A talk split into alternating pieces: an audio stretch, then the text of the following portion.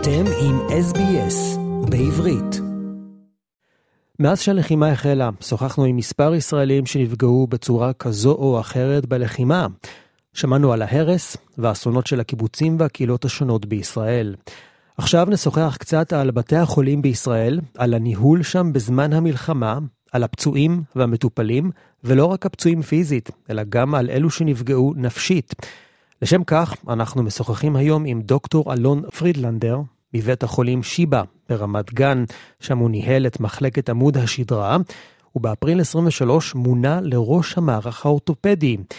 נשמע על ההבדלים בין פצועי מלחמה לפצועי טבח, ההתמודדות של חיילים צעירים עם קטיעות של רגליים וידיים, וגם על התמודדות בית החולים בשעת מלחמה וטבח המוני, ורופאים שגויסו למלחמה, המערך בעומס וההתמודדות עם משפחות הפצועים. שלום דוקטור אלון פרידלנדר. שלום וברכה. למרות ההקדמה שנתתי לך, אולי בכל זאת אה, במשפט אחד, תציג את עצמך למאזינים שלנו? אני נולדתי, גדלתי בישראל, למדתי באוניברסיטת תל אביב והתמחיתי בבית חולים שיבא, שזה בית חולים במרכז הארץ, תל השומר בשמו השני. אה, עשיתי השתלמויות בצרפת ובהונג קונג בתחום עמוד השדרה, וזה תחום עיסוקי ב-20 פלוס השנים האחרונות. אה, ניתוחי עמוד שדרה. הייתי מנהל היחידה לניתוחי עמוד שדרה מינואר 2010, ואני ממרץ-אפריל אה, מנהל המערך האורתופדי אה, בתל השומר.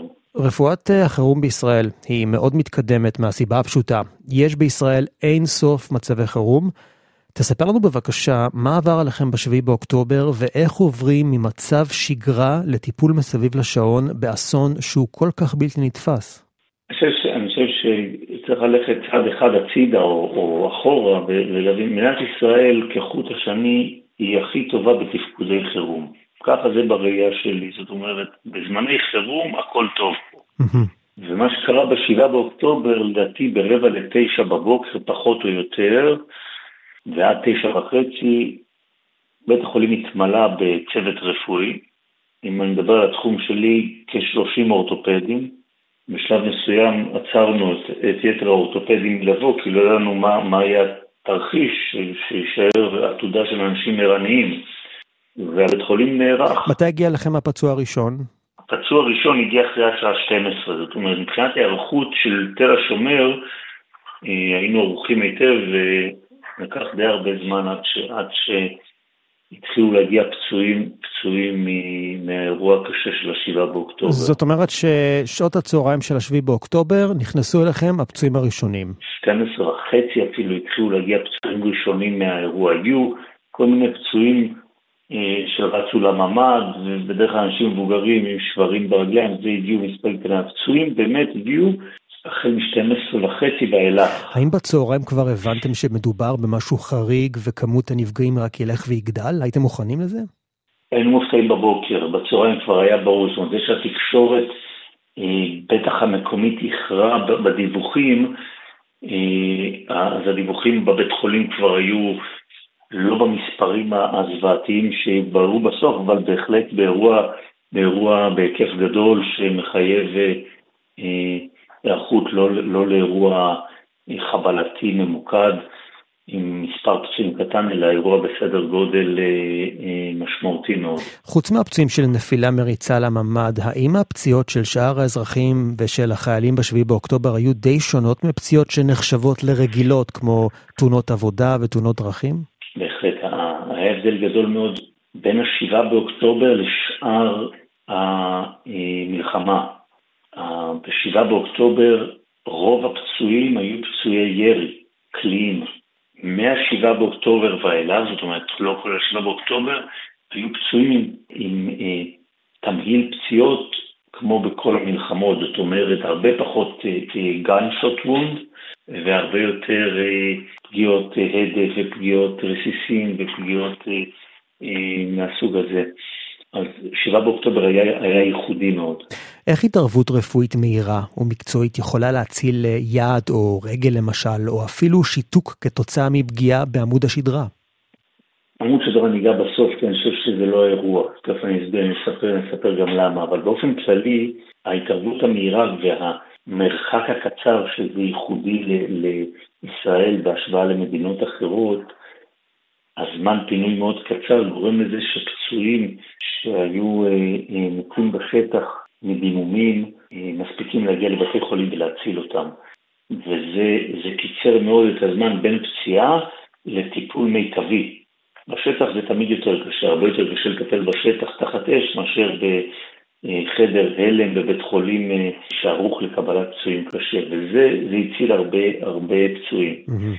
בעניין פציעות גפיים, אה, פציעות כלי דם, ברגע שמשחזרים מהר מספיק את זרימת הדם לגפה, הסיכוי שלה לחיות הרבה יותר טוב. זה הפן של גפיים. בשיבא טפלו פצועים רבים עם תיקוני כלי דם ותיקונים עצביים, שהתיקון העצבי הוא בדרך כלל לא תיקון אקוטי, אבל היו הרבה מאוד פצועים של גפיים עליונות ותחתונות שסבלו מפגיעה באספקת דם, פגיעת כלי דם ופגיעה עצבית, ששניהם זה, וכמובן שחזור עצמות וקיבוע עצמות, שמאפשר את התיקונים האלה, כי אם העצם נשארת לא מקובעת, כל התיקונים האלה אה, לא פרקטיים. בעניין עמוד שדרה ששאלת, אז אה, תודה לאל, היו מעט מאוד פצועי עמוד שדרה. אוקיי. Okay. כנראה בגלל אה, המיגון שיש על, על חזה ובטן, היו אבל מעט מאוד, ובדרך כלל פציעות של רסיסים וקליעים שפוגעים בעמוד שדרה או בעצבים הם לא ברי תיקון לדאבוננו, זה לא משנה כמה מהר לנתח. אם יש פציעה, פגיעה עצבית קשה, היא לא תהיה הפיכה, אה, גם לא אם ננתח מיד. יתרה מזאת, בדרך כלל כדאי במצבים מסוימים לא לנתח, בגלל הנזק שיש שם למעטפות, למעטפות חוט השדרה שגורם לזה שהדלת שנוזל שדרה ידלוף החוצה, אז לא תמיד נכון להתערב בכלל כירורגית בפציעות כאלה. ואנו משוחחים עם דוקטור אלון פרידלנדר מבית החולים שיבא ברמת גן. דוקטור אלון מתמחה בעמוד השדרה, וכעת גם מנהל המערך האורתופדי של בית החולים. בשעות הראשונות אחרי הפציעה, החובשים והצוות הרפואי מנסים להציל חיים, למנוע נכות חמורה ועוד, אבל אחרי זה יש תקופה הרבה יותר ארוכה של החלמה. תוכל לתת לנו דוגמה או שתיים של טיפול ארוך טווח, בייחוד לגבי המלחמה הנוכחית? קודם כל, יש פצועים שהחלק האקוטי שלהם לוקח המון זמן, עד כדי חודשיים בטיפול נמרץ, עם פציעות קשות מאוד וזיהומים וניתוחים חוזרים, זה החלק האקוטי. בחלק הארוך טווח יותר, יש הרבה דברים שעושים אותם בשלבים. עושים כיבויים חיצוניים, אחרי זה ממירים אותם לכיבויים פנימיים בגלל הסכנת זיהום. עושים שחזור כלי דם, ובשלב שני עושים שחזור עצבים. אה, עושים קיצור של הגפה כדי לקבל איחוי, ובשלב מאוחר עושים הערכה שלה כדי להחזיר אותה לאורך הרצוי, דרך פציעות, פציעות גפיים קשות. תהליכים כאלה לוקחים שנה ואפילו שנתיים. מבחינה כירורגית עם ניתוחים חוזרים. אנחנו שומעים הרבה לגבי החשיבות של החוסן המנטלי של הפצועים, שגם קשור בתמיכה שהם מקבלים. כמה זה באמת חשוב לגבי ההחלמה מהפציעה? אני, זו שאלה אה, שבתור אורתופד תשובתי תהיה די שטחית, כי אני לא איש, איש הנפש, אבל ללא ספק אנחנו רואים מהצד, מהצד של ה... נותני שירות אורתופדי, אנחנו רואים אנשים עם פציעות דומות במהלכים שונים לגמרי כתלות בחוסן הנפשי, בחוסן המשפחתי, בתמיכה הסביבתית. אנחנו רואים שאנשים לא רוצים להשתחרר משיקום, כי יש להם תמיכה גם מקצועית וגם חברתית.